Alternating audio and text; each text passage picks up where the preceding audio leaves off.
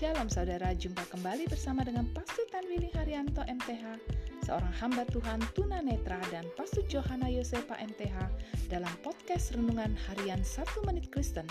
Di dalam podcast ini, kami membagikan kebenaran dari Alkitab yang dimulai dari kitab kejadian sampai kitab wahyu. Selamat menikmati.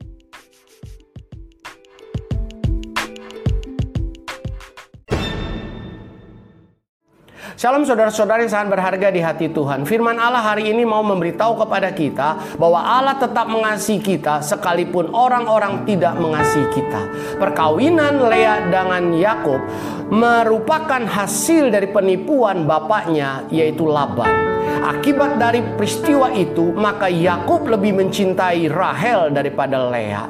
Hari ini jika engkau merasa hidupmu tidak dikasihi, mungkin oleh orang tuamu, mungkin oleh suami atau istri atau anak-anakmu, ingatlah bahwa Allah tetap mengasihimu. Ia telah mati di Golgota sebagai bukti dia mengasihimu.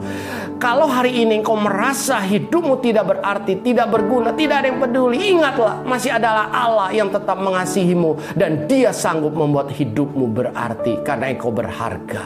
Amin.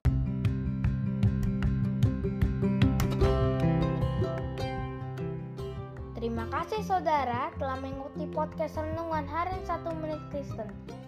Doa kami kiranya kebenaran yang saudara terima akan membuat saudara semakin berakar di dalam Tuhan dan bertumbuh dan berbuah lebat di dalam Tuhan. Tuhan Yesus memberkati.